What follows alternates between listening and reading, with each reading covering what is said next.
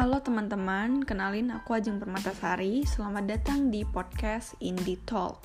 Kali ini aku akan bahas tentang digitalisasi yang udah merambat ke dunia musik.